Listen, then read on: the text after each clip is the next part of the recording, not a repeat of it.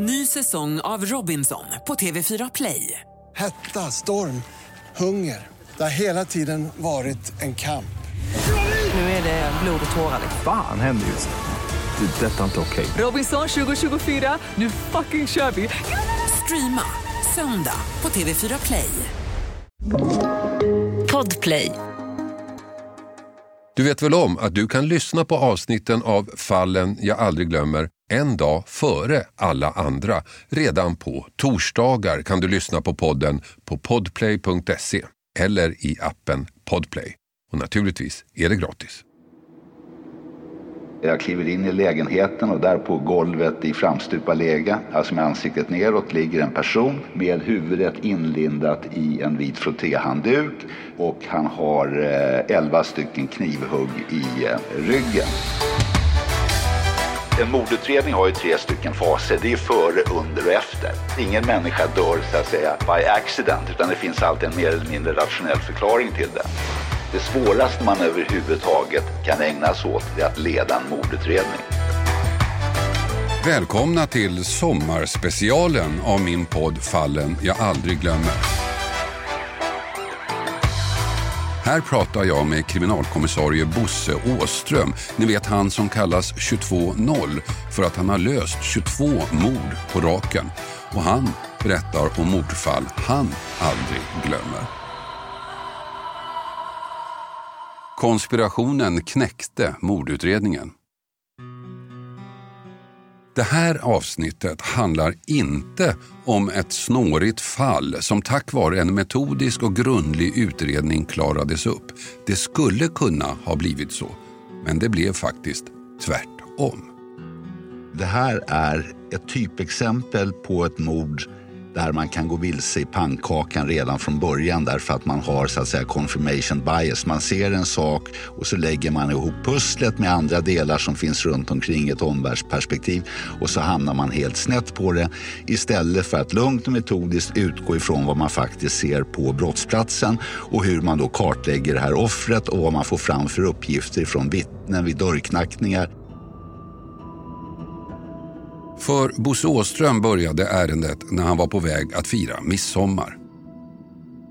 Det här är alltså midsommarafton 1985 och jag hade krimjouren och eh, är på väg till en midsommarfest. Och plötsligt så bipar det till på min personsökare och jag ser att det är ett samtal från polishuset i Solna. Så jag ringer och pratar med vakthavande som då säger att eh, vi har ett spaningsmord på halsen. En person anträffad död i sin lägenhet på Emmilundsvägen eh, 3 och det är annans handaverkan uppenbarligen. Och patrull på platsen, allting avspärrat och skött enligt konstens alla regler. Det som hade hänt var att en ung student hittades död på ett studentboende i Solna. Han hette Assad Junde och var politisk flykting från Irak. Han hade varit i Sverige i tre år och mycket ambitiöst pluggat hela den tiden. Hans plan var att stanna i Sverige och bygga sig en framtid här. Men på midsommarafton 1985 hittas han alltså död i sitt studentrum och Bosse har jouren i Solna polisdistrikt. Så jag tar och eh, åker dit och ringer då mina två kollegor som också har jouren tillsammans med mig under midsommarhelgen och kommer till platsen och eh, jag kliver in i lägenheten och där på golvet i framstupa läge, alltså med ansiktet neråt, ligger en person med huvudet inlindat i en vit frottéhandduk. Över skulderbladen så är det en marxist-leninistisk bok uppslagen, översatt till arabiska. Och han har en strypfåra runt halsen och han har eh, stycken knivhugg i eh, ryggen. Att Assad Junde hade mördats det rådde det inget tvivel om så Bosse och hans kollegor drog igång en mordutredning utifrån de etablerade arbetsmetoderna. Kriminaltekniker kommer till platsen. De gör sin undersökning, det de ska. Eh, mina jourkollegor börjar då knacka dörr och kartlägga då vilka det är som bor i den här korridoren. Och sen lite grann utanför också se hur miljön ser ut. Parkerade bilar, vad är närmaste portuppgång och hur ser trafiken ut? Vem skulle kunna ha sett någonting om någon kom eller gick ifrån den här aktuella eh, fastigheten? Så allting sköttes då enligt boken kan man säga. Så det var inga problem med det. Fyra detaljer sticker ut ganska snart. Fyra detaljer som är mystiska. För det första, brottsplatsen verkar vara riggad. Assad Junde har huggits med 11 hugg i ryggen men det konstiga är att knivhuggen kommit efteråt. Han var redan död då. Konstigt. Och varför ligger det en marxist-leninistisk bok på honom och handduken, vad gör den där? Min slutsats med hela den här riggningen, dels med handduken runt huvudet och då finns det en sån här äh, muslimsk skröna att man tror att om en människa dör det sista man har sett och det fastnar på näthinnan. Och då ska man då liksom täcka över det så att det inte finns där. Och sen den här boken, det är liksom att det ska vara någonting som är politiskt motiverat och sen de här äh, knivstickskadorna som man har på ryggen, det är liksom overkill. Så min första slutsats, eller hypotes ska jag säga i det här läget, det är att brottsplatsen är riggad för att eh, förvilla och förvirra utredningen.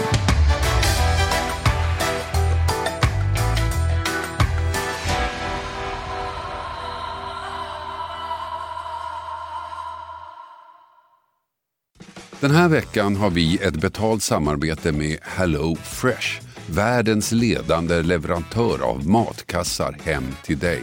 Kassar som ger dig en enklare vardag och massa matglädje på det.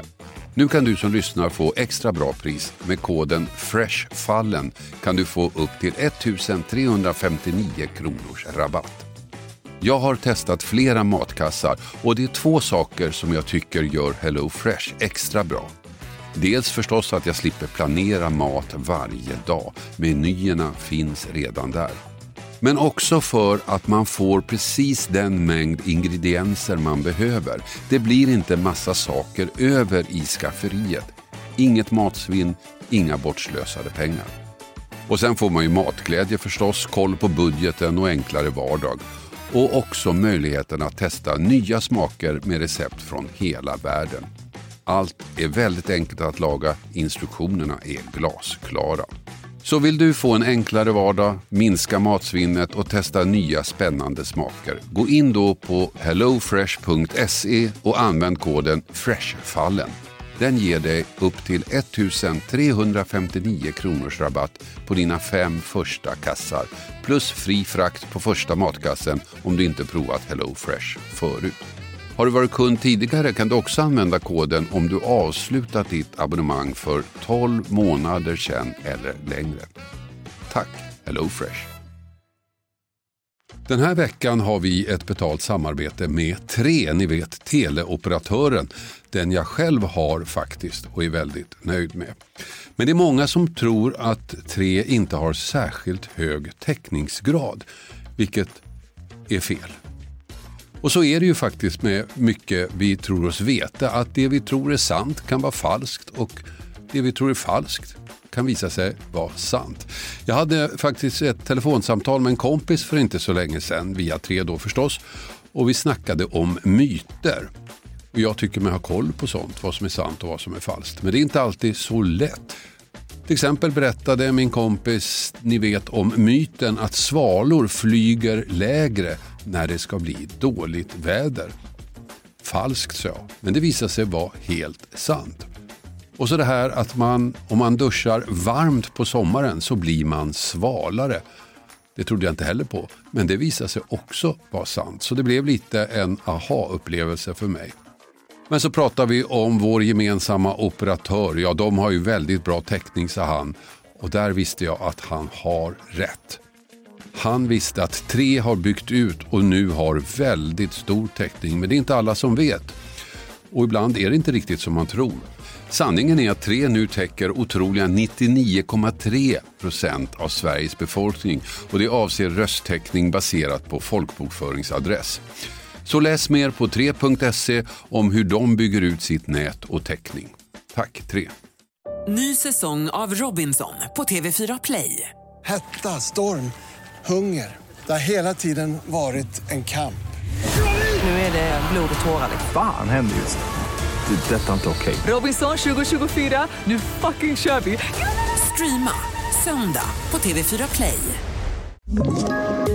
Poddtips från Podplay. I podden Något Kaiko garanterar östgötarna Brutti och jag, Davva, dig en stor dos skratt. Där följer jag pladask för köttätandet igen. Man är lite som en jävla vampyr. Man har fått lite blodsmak och då måste man ha mer. Udda spaningar, fängslande anekdoter och en och annan arg rant. Jag måste ha mitt kaffe på morgonen för annars är jag ingen trevlig människa. Då är du ingen trevlig människa, punkt. Något Kaiko, hör du på Podplay. Därför är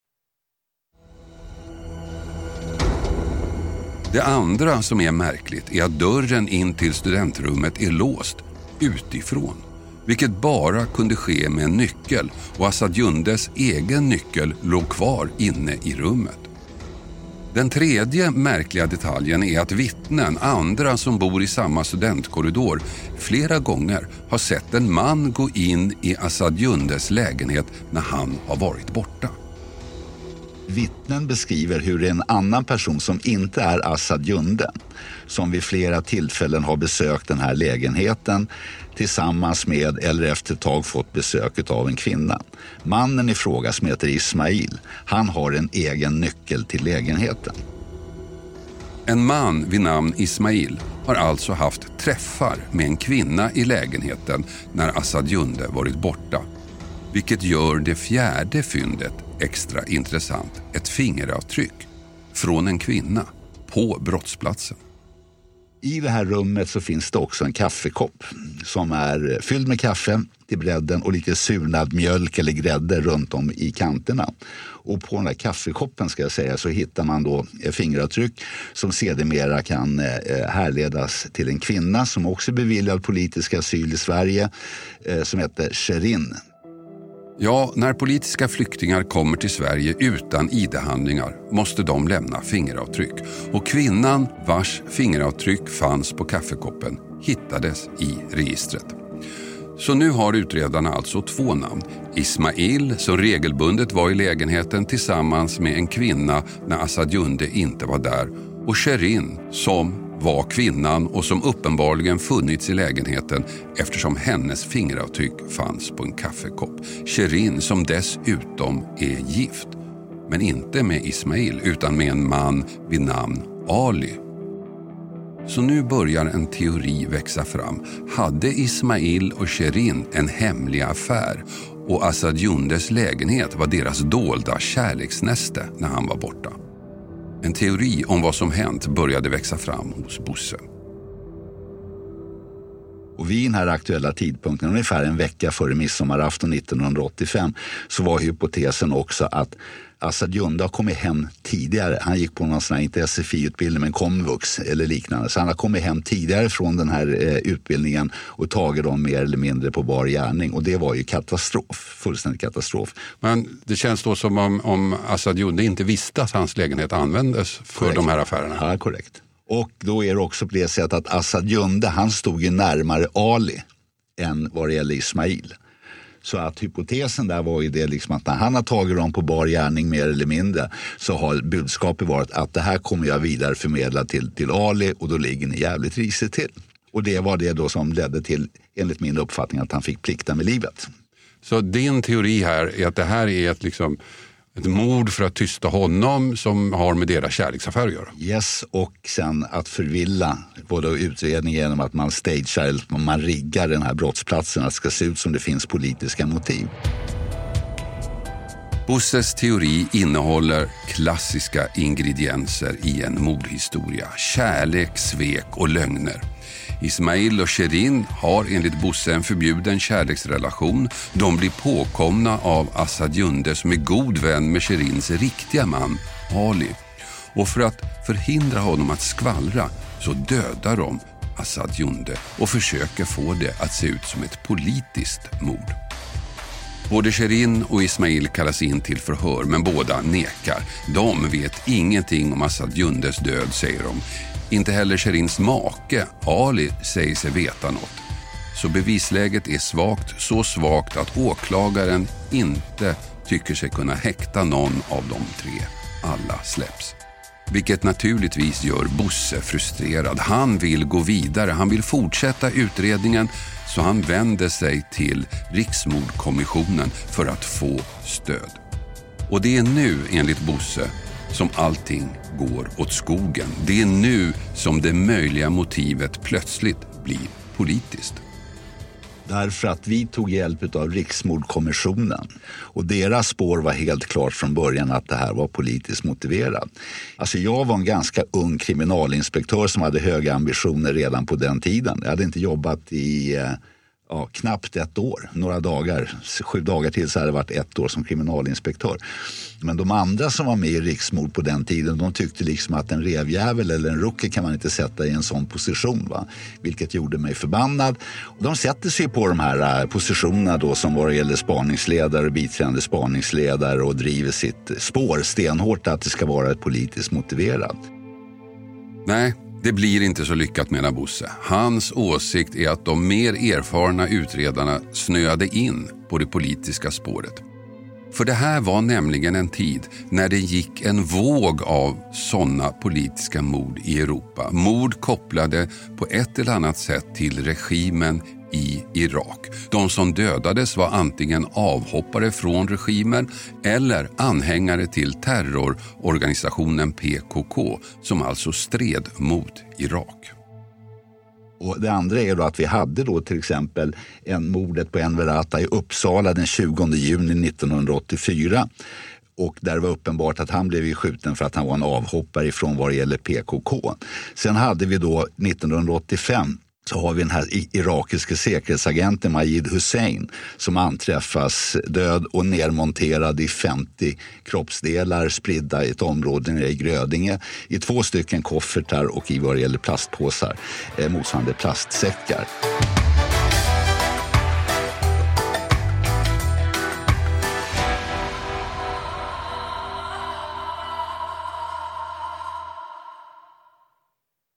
Ny säsong av Robinson på TV4 Play. Hetta, storm, hunger. Det har hela tiden varit en kamp. Nu är det blod och tårar. Fan händer just det. Det är detta inte okej. Robinson 2024, nu fucking kör vi! Streama söndag på TV4 Play.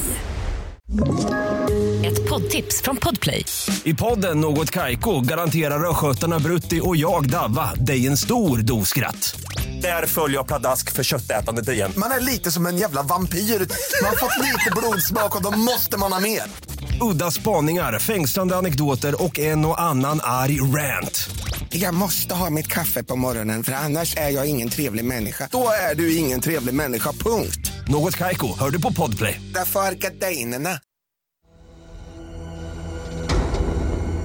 Minst två politiska mord i Sverige, fler runt om i Europa. Och i ljuset av de händelserna så bedömde utredarna att mordet på Assad Junde med stor sannolikhet också var politiskt motiverat.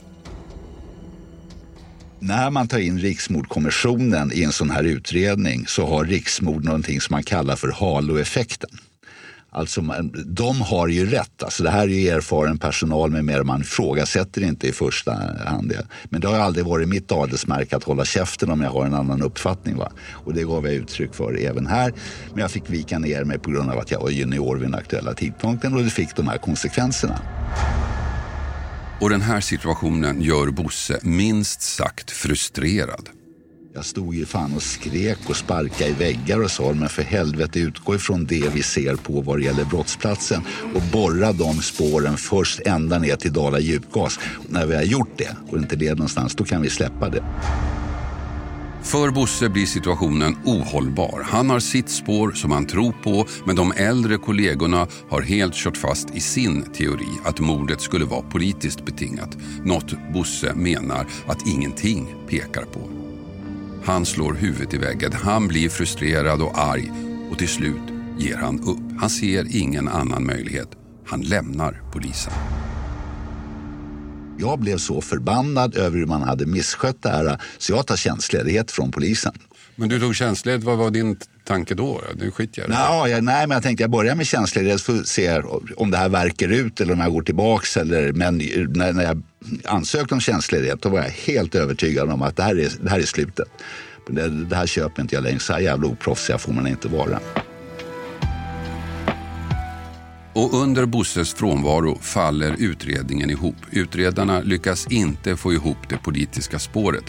Vad de däremot upptäcker är att alla tre inblandade, Sherin, Ismail och Ali, inte har lov att få vara i Sverige. Deras asylansökningar var falska. Sherin till exempel var tysk medborgare visade sig, inte alls politisk flykting som hon själv hävdade. Så det slutar med att alla tre utvisas till Tyskland.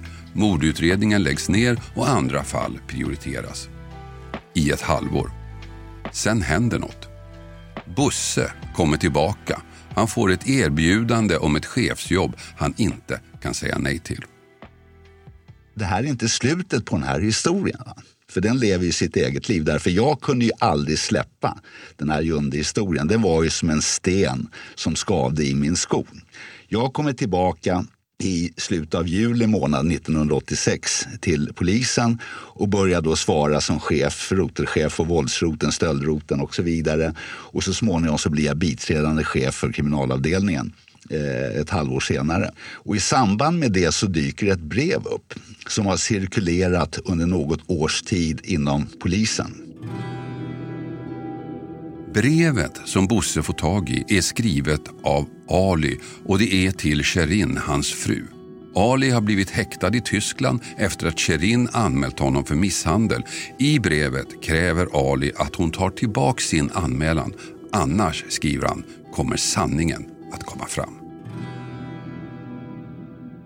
I det brevet så står det klart och tydligt att om du inte tar tillbaka din anmälan mot mig för misshandel och olaga hot så kommer jag att kontakta vederbörande svenska myndigheter och tala om för dem vad du gjorde med din jävla vän Ismail i juni månad 1985 i Stockholm. Det här brevet är precis vad Bosse behöver. Nu finns ett nytt spår, nu finns ett potentiellt vittne, nu finns möjlighet att lösa fallet.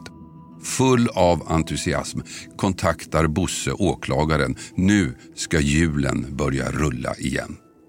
Men så blev det inte. Då fick jag fart på den här utredningen igen och kontaktade chefsåklagaren och eh, skulle gå ut med en internationell efterlysning för att få dem utlämnade till eh, Sverige. Och då har man ju vanliga problemen här att länder utlämnar inte sina egna medborgare med mera. Men man hittar dem aldrig. Utan det sista spåret var att de hade lämnat Tyskland och farit tillbaks till Libanon. Hon hade en libanesisk eh, pappa, Sherin, och där slutade alla spår. Där och då tog det slut. Mordet på Assad Junde blev aldrig uppklarat. Bosse var tvungen att ge upp. Och så här beskriver han hur det kändes. Ja, åt helvete. Ja, det är två saker. Det var ungefär som att stå med ena dojan i en ishink och den andra dojan i kokande vatten. Va? Statistiskt sett är det rätt bra. Å ena sidan så vart jag förbannad eftersom det här kunde klaras upp om man bara hade skött det här on the book och sett till att både eh, Sherin och eh, Ali fick nosa lite finkluft ett par veckor, begäras häktade också för om inte annat skyddande av brottsling eller liknande. Och det hade de aldrig pallat med, det är jag helt övertygad om. Men nu valde man the easy way out och tog dem i förvar och sen kastade man ut dem ur, eh, ur landet. Så det var ena sidan var man blev förbannad. Den andra sidan var, det var ju det här gamla klassiska uttryckssättet, vad var det jag sa? För Bosse gick karriären vidare och det var nu han började sin framgångsrika bana som mordutredare och löste 22 fall på raken. Men även Irak-kurd PKK-teorin överlevde den här mordutredningen och kom att påverka och krascha en annan utredning. Statsminister Olof Palme är död. Han mördades mitt i centrala Stockholm strax efter klockan 11 igår kväll. Men det är en helt annan historia. Det här var tredje avsnittet av sommarspecialen av fallen jag aldrig glömmer, Hasse och Bosse snackar mord. I nästa avsnitt ska vi prata om det finska mordet där Efterlyst för första gången var med i en mordutredning. Vi hörs igen.